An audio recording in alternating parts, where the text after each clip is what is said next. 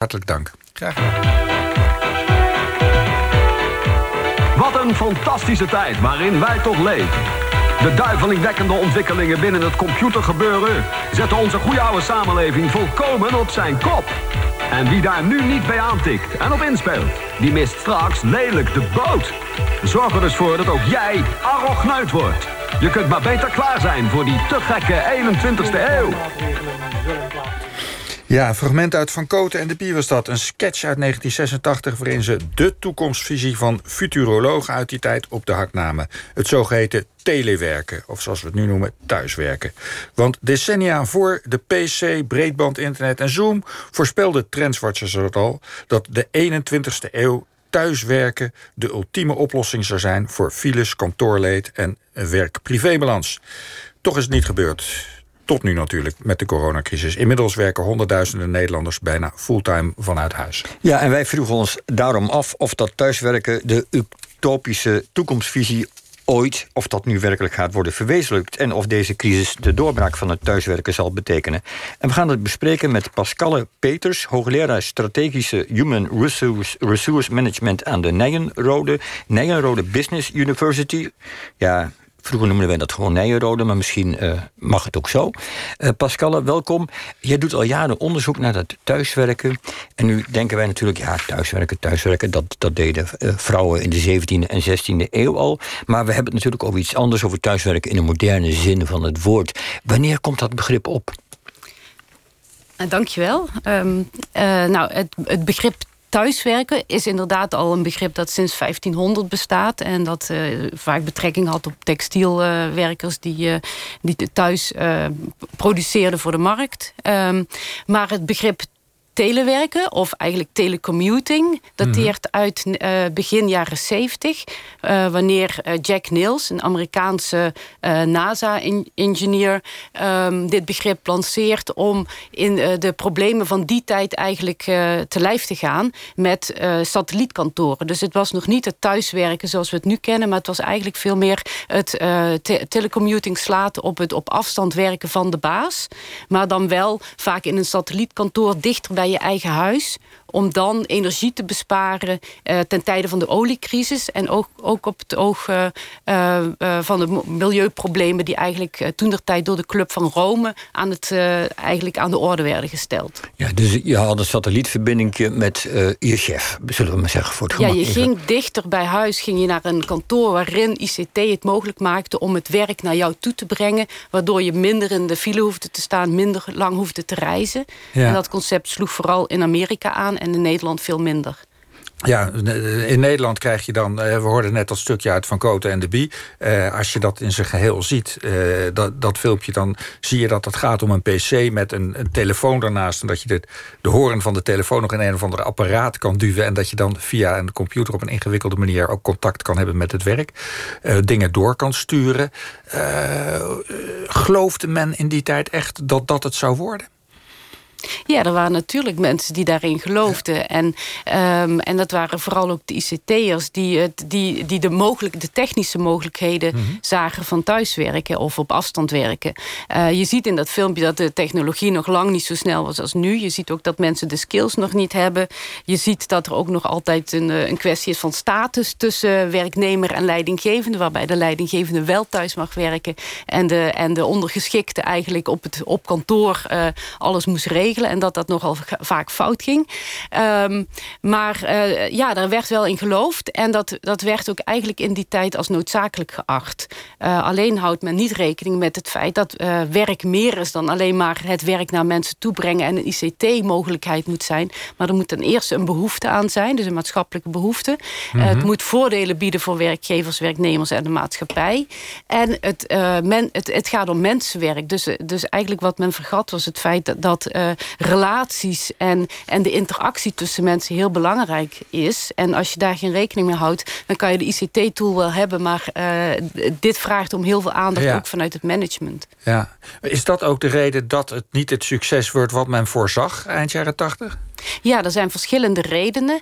Um, wetgeving is natuurlijk een reden. Uh, de, de, de houding van de vakbond, die natuurlijk de, de flexibilisering van de arbeid uh, met ledenogen aanzag. En eigenlijk ook de macht van de werknemer door, de, door de, de, het op afstand werken zag afnemen. Maar uh, het gaat vooral eigenlijk om de controle en de coördinatiemogelijkheden. En de sociale cohesie, die een belangrijke struikelblok of barrière vormen om thuiswerken eigenlijk mogelijk te maken. Ja, en met controle bedoel je dat veel werkgevers bang waren... dat men maar een beetje ging zitten landen van ja, thuis? Ja, ja, dus opportunistisch gedrag gingen vertonen... de was gingen ophangen en verder eigenlijk niks gingen doen... Uh, waar, waar wat productief was voor, de, ja. voor de werkgever. En zoiets als uh, thuis en privébalans, privébalans en werkbalans... en dat vooral voor vrouwen nuttig zou kunnen zijn... om thuiswerken als mogelijkheid te hebben. Speel, speelde dat nog ergens een rol? Uh, dat, dat was een argument dat vooral in de jaren negentig opkwam. Omdat uh, daar toen ook in die tijd... De, de toename van het aantal vrouwen op de arbeidsmarkt... het aantal twee-verdienersgezinnen... maar ook de kenniseconomie die op afstand mogelijk uh, werken mogelijk maakte. Ehm, dus het argument van work-life balance... Is, is vooral in de jaren negentig op de agenda gekomen komen.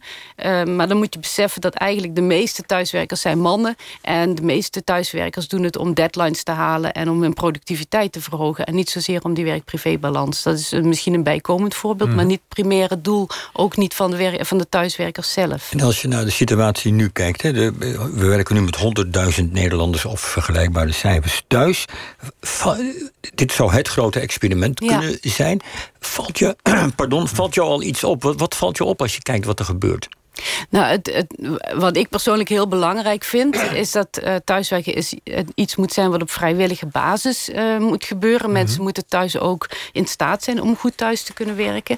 Dus in plaats van een utopia is het op dit moment eigenlijk meer een dystopia. Dus het is, uh, in, in, in sommige op, opzichten is het juist niet wat wat ik onder thuiswerken versta. Thuiswerken is op afstand werken uh, één dag per week of, of iets meer, maar niet fulltime. En zeker niet met de hele familieleden en non-stop uh, op, op één plek vastzitten. En eigenlijk niet de vrijheid hebben om ook uh, met klanten of met, met collega's fysiek in contact te komen. Dus ik vind het, um, om dit nou het sociale experiment ja. te noemen, waarbij we testen of telewerken echt de goede oplossing is voor alles, vind ik dit juist niet ja. de goede situatie. Nee, want, want het moet niet zo zijn dat de kinderen eromheen rennen. Nee, dat is, dat is in mijn opvatting niet het idee ja, achter thuiswerken. Dystopia is nog een zware term, hè? Ja. Ja. Uh, vind je niet? Nou, dat weet ik niet. Want uh, als, je nou, als, als we nu ons zouden voorstellen... dat we alleen nog maar vanuit thuis zouden mogen werken... en niet in contact mochten zijn zoals nu met anderen... met klanten of met, met collega's... dan denk ik dat dat geen prettige situatie is. Dat zelfs de mensen die verwend thuiswerker zijn... daar niet uh, gezond en gelukkig van worden. Is het, hebben we andere voorbeelden? Is het eerder gebeurd dat ineens een hele grote groep van de bevolking thuis moest werken en niet meer op de zaak mocht werken. Kennen we voorbeelden? Ja, we kennen wel voorbeelden, maar die, die duurden uh, minder lang. Um, uh, bijvoorbeeld uh, ja, met, de, met de oliecrisis was het natuurlijk ook... Hè, dus, het ministerie van Verkeer en Waterstaat in de jaren 90 heeft geprobeerd... om mensen thuis te laten werken om of file vermijdend thuis mm -hmm. te werken. Ja. Maar dat was niet fulltime. En in Japan hebben we de nucleaire ramp gehad uh, met Fukushima. En daar uh, hebben bedrijven toen eigenlijk ook alles in het werk gesteld... om mensen van hu uit huis te laten werken. Omdat dat noodzakelijk was toen. Maar dat heeft, ja, ik weet niet hoe het lang, lang het nu gaat duren... maar dat is wel een, een andere situatie ja. nog dan Maar was dat een nu. beetje een succes? Of hoe, want je noemde het als voorbeeld. Het was een noodzaak. Uh, ja. En het was een succes omdat de productiviteit door kon gaan.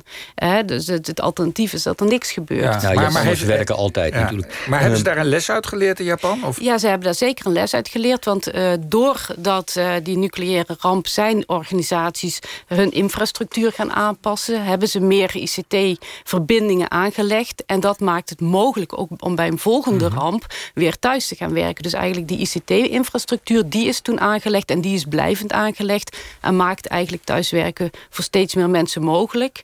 En laat ook zien dat het ook voordelen kan hebben. Ja, en denk je dat we in Nederland ook zo'n les kunnen gaan leren uit deze crisis? Ja. Ja, zeker. Ik denk dat we nu... Uh, ik noemde net het, het, woord dystopia... omdat ik denk uh, dat we niet deze situatie moeten gaan idealiseren. Want dat is niet wat ik onder thuiswerken versta.